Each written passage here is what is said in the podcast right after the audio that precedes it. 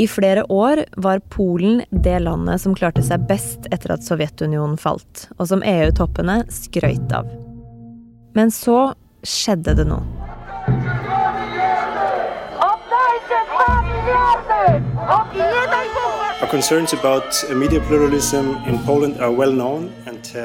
For nå har Polen blitt landet som EU og norske politikere er ordentlig bekymra for. Hva var det som skjedde? Du hører på Forklart fra Aftenposten. Jeg heter Anne Lindholm, og i dag er det torsdag 25. februar.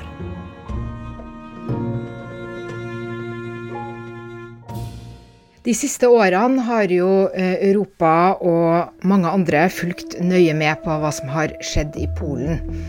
Eh, Utviklinga har gått i en ganske skremmende retning. Nå i sommer så var det det siste valget på tre år, og mange lurte, har lurt på hva skulle skje nå? Ville eh, regjeringa føle seg så trygg på at nå har de makta at de kan roe seg litt ned eh, og ikke gå så hardt til verks? Eller ville de tvert imot bruke denne trygge posisjonen til å stramme inn enda mer? Ingrid Brekke er journalist i Aftenposten og har vært mye i Polen. Det som skjer nå, det har mye å gjøre med det som skjedde i Polen i 2015. For fram til da så hadde Polen vært det landet av de tidligere kommuniststatene som klarte seg best på flere internasjonale rankinger. De scora høyt på ting som pressefrihet og menneskerettigheter. Jeg var der jo selv eh, før 2015 og rapporterte hjem om eh, Se hvor flott det går, og, og eh, se hvor mye økonomien vokser, og eh, alt som skjer. Eh, men samtidig var det mange ting som ikke eh, fungerte særlig bra. Eh, de hadde jo et helt forferdelig arbeidsmarked. altså Folk gikk på såkalte søppelkontrakter, som er en type sånn Du blir aldri fast ansatt, du får ingen sosiale goder, du har ingen Du, du jobber kanskje tre måneder, og så er det rett ut. Også minstelønna fantes ikke noe minstelønn. Folk tjente helt elendig dårlig. Mange var fattige. Følte seg veldig sånn satt ut på, på sidelinja av eh, samfunnet. Folk var veldig frustrerte og følte, store deler av befolkninga følte at de ikke ble tatt hensyn til, og ikke sett eh, av de som styrte. Og det den frustrasjonen førte til, var at folket så etter noen andre å stemme på enn de høyreliberale som hadde styrt i mange år. Så i 2015 så fikk de et skifte. Partiet for lov og rettferdighet, PiS, og partileder Jaroslav Kaczynski vant valget med 37% av stemmene.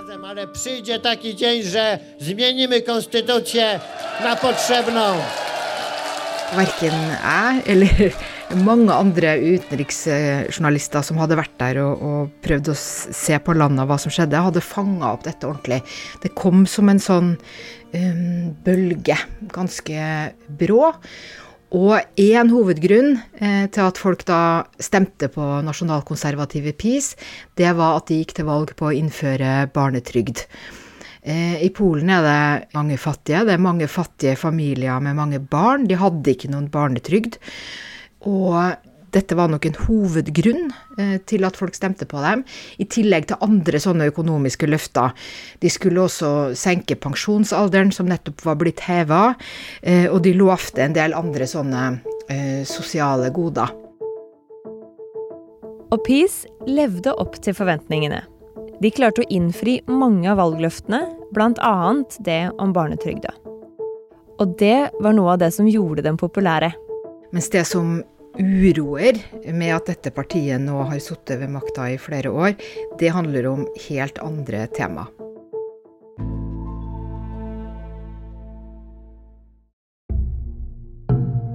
Det denne nye nasjonalkonservative regjeringa har gjort siden de kom til makta, det er å føre landet i en antidemokratisk retning. Og kanskje spesielt på tre måter. Det mest dramatiske det er at de innførte de såkalte justisreformene. Dette er veldig omfattende forandringer av hele rettssystemet i, i, Polen. Det viktigste er at de har lagt eh, domstolene under politisk kontroll. Eh, de har bytta ut en del dommere og innført noen nye, nye organisasjonsformer. Annet har de lagd et eget disiplinærkammer som har som oppdrag å overvåke og straffe dommere eh, som ikke følger reglene. Og disse reglene er jo satt av regjeringa. Og betyr at polske dommere vet at hvis de feller dommer som ikke blir politisk vel ansatt av de som styrer landet nå, da risikerer de reprimande, kanskje i ytterste instans å miste jobben sin. Så i verste fall så kan en dommer i Polen få sparken for en politisk upopulær dom. Og det er også mye av grunnen til at Polen er i konflikt med EU. Fordi at hele Europa er avhengig av at man alle følger de samme lovene og reglene og er enige om hva en rettsstat skal være. Og også Norge har jo brutt justissamarbeid med Polen, eh, et samarbeid finansiert av EØS-midlene, fordi den norske domstolsadministrasjonen mener at eh, det polske rettsvesenet ikke lenger følger de demokratiske spillereglene. Det andre av den polske regjeringas tre steg for å stramme grepet handler om åssen de behandler demonstranter. For i Polen så har folk tatt til gatene oftere i det siste. Det har vært noen demonstrasjoner mot at nesten en tredjedel av landet har etablert soner som er det de kaller frie for LHBT-ideologi, men de største demonstrasjonene har handla om abortlovene i landet. Polske abortlover var strenge fra før. I et land med nesten 40 millioner innbyggere så ble det utført omtrent 1000 lovlige aborter i året.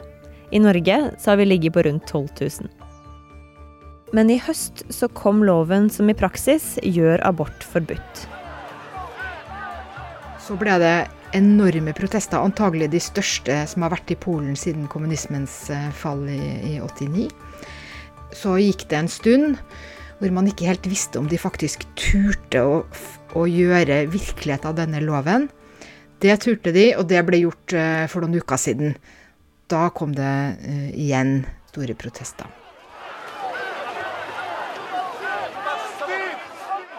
Disse protestene har jo da fortsatt nå etter jul, og etter loven ble virkeliggjort.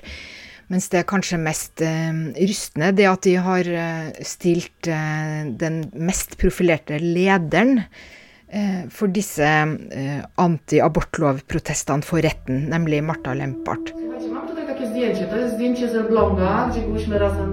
41 år gamle Martha Lempart har du kanskje sett bilder av i sosiale medier. Med briller, håret til alle kanter og et svart munnbind med et rødt lyn på. Symbolet for de som protesterer mot abortloven. Hun leder protestene og er en jurist. Som har brukt nærmest hele livet sitt de siste årene på å lede disse demonstrasjonene og prøve å, å samle folk med en enorm suksess. Nå er Lempart bl.a. tiltalt for å ha satt andres liv i fare ved å arrangere demonstrasjoner som brøyt med koronaregler, for å ha spytta på og fornærma en politimann, og for å ha støtta noen ungdommer som tagga på en kirke. Og det her risikerer hun åtte år i fengsel for med et norskt blikk, så er jo dette ting som eh, Jeg vet ikke hvor alvorlig en sånn dom ville vært i, i Norge, men det ville i hvert fall ikke vært åtte år i fengsel. Så det viser at nå har de virkelig tenkt å ta demonstrantene eh, hardere enn før. Så regjeringa har skaffa seg større kontroll over domstolene. De som arrangerer demonstrasjoner, blir trua med lange fengselsstraffer. Og denne måneden så gikk TV-skjermer og nettaviser i svart for å markere motstand mot enda et forslag fra regjeringa.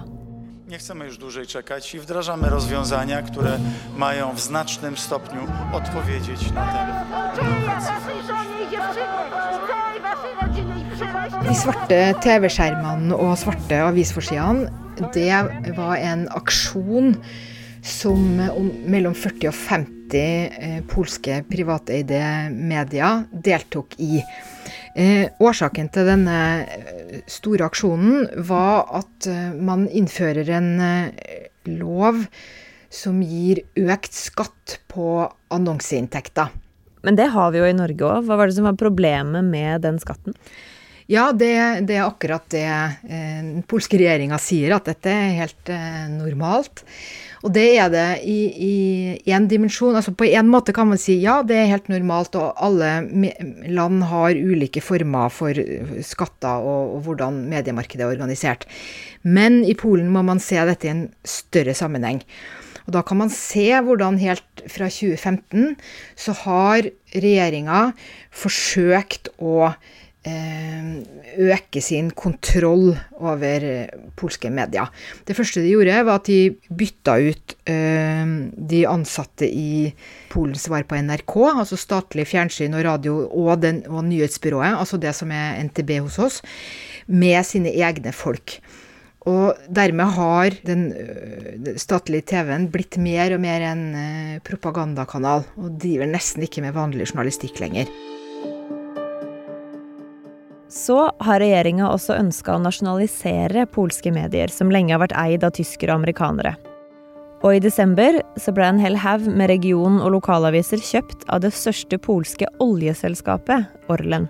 Sjefen for Orlen han, veldig, han står veldig nært partileder Jaroslav Kaczynski, og det er veldig nærliggende å frykte at de kommer til å bruke dette som en ny eh, politisk eh, kanal. da. Sånn at alt i Polen på, på medieområdet handler om at vi ser hvordan regjeringa forsøker på mange forskjellige måter å stramme grepet mot uavhengige medier. Ok, Så bare de siste fem-seks åra har Polen gått fra å være et land som EU applauderer for å ha klart seg bra, til et land som de ser på med bekymring og uro. Hvor er det det kan være på vei hen? Ja, Ungarn er jo litt sånn eh, skrekkens eksempel, eller, eller eh, en, en, retning som også partileder Jaroslav Kaczynski sier jo ofte at han beundrer Ungarn. Så de er et slags ideal. Og hvis man ser på hva som har skjedd med mediene i Ungarn, så er jo det ikke spesielt forlokkende. Der er man nå havna etter ti år, da Orban kom jo til makta i 2010, så de har hatt mye lengre tid på seg. Der er omtrent 80 av mediene slått sammen i en regjeringsnær stiftelse. Så det finnes nesten ikke uavhengige eh, medier der lenger. Og den siste uh, uavhengige radiokanalen ble fratatt lisensen uh, for et par uh, uker siden. Så Ungarn er på mange måter en slags dyster pekepinn på hvordan det kan gå dersom Polen fortsetter i samme spor. Ja, Så det ser ganske mørkt ut, da? Ja, på, én måte gjør det det, og på en annen måte ikke. Altså, Polen er et veldig annerledes land i, i, enn Ungarn. Mye større, mye mer europeisk orientert. Og vi ser det jo um, i uh, alle de menneskene som slutter opp om f.eks. antiabortlovprotestene. Altså viljen som fins til å protestere. Den store og aktive opposisjonen. Og vi kan også se nå hvordan spesielt de yngste virkelig har eh, engasjert seg mot regjeringa, men også mot kirka. Og det kom nettopp en undersøkelse som viser at for første gang eh, så er flere unge polakker eh, har gått mot venstre enn mot høyre. Så det er veldig bevegelse i hele det politiske Polen, og jeg tenker at det er altfor tidlig å gi opp håpet nå.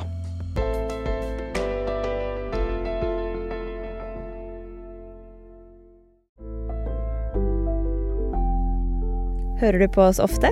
Legg gjerne igjen en beskjed eller en anmeldelse i iTunes, så kan flere finne oss.